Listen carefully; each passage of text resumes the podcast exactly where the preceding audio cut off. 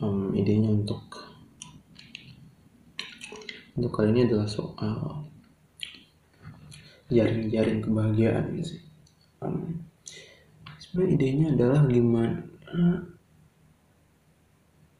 bagaimana kebahagiaan itu sebetulnya atau mungkin bukan kebahagiaan ya fulfilled life gitu. Hidup yang yang yang terasa berharga terasa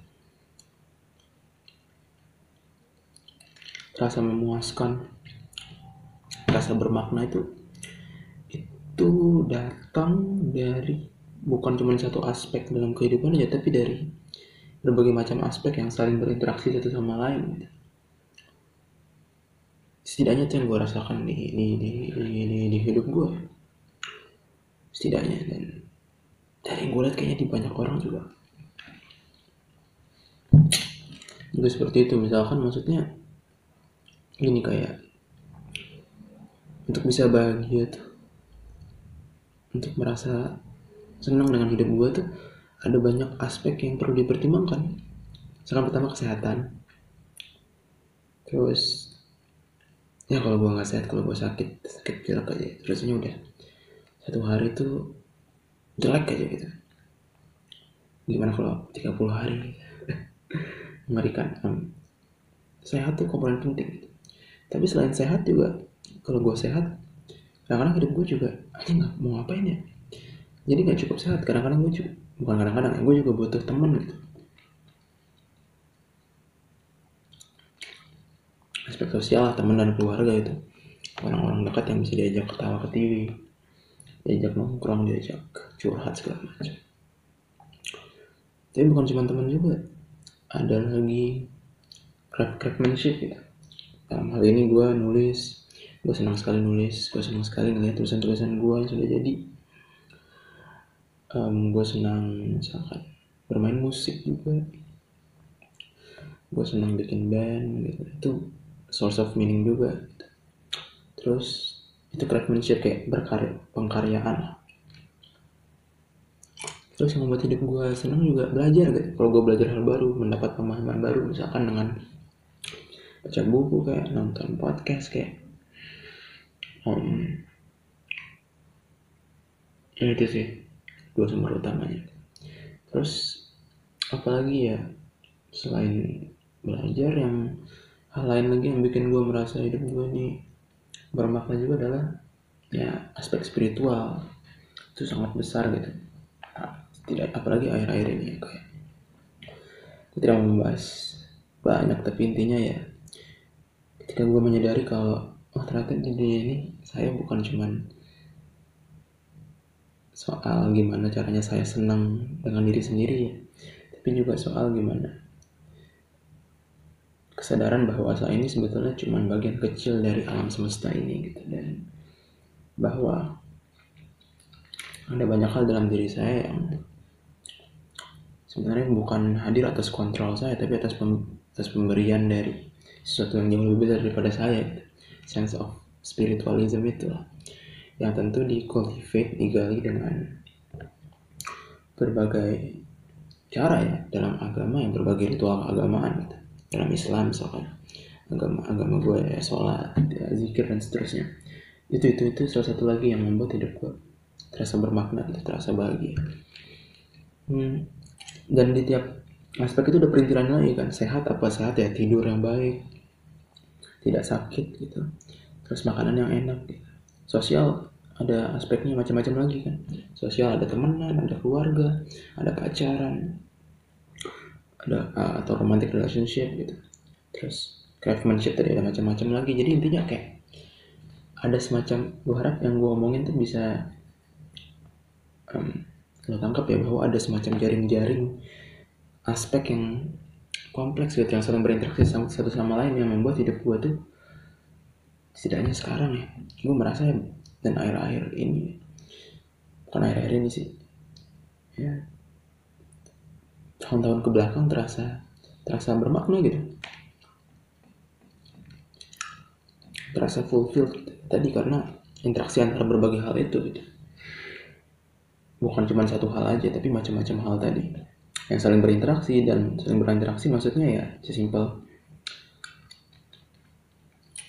kalau gue sehat gue jadi bisa main gitar gitu kan. Kalau main gitar gue jadi bisa bikin lagu atau kalau gue baca buku jadi ada pemahaman baru yang bisa berdampak langsung pada cara gue menulis gitu. Itu kan saling berpengaruh satu sama lain. Atau kalau gue nongkrong jadi lebih happy gitu.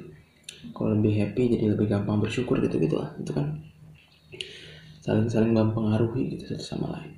Dan bukan cuma aspek itu ya itu itu aja ya. Kayak ada banyak lagi lah yang lain kayak yang pasti terlupa kayak duit itu duit penting sekali. Itu ya.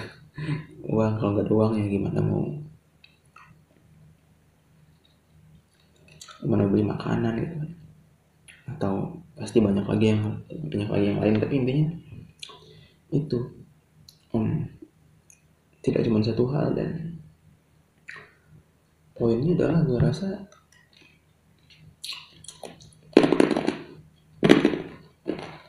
Hmm,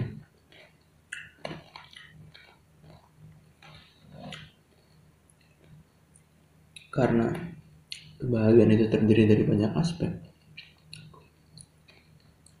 Kita sebetulnya tidak perlu dan tidak harus menggantungkan semua itu pada satu hal.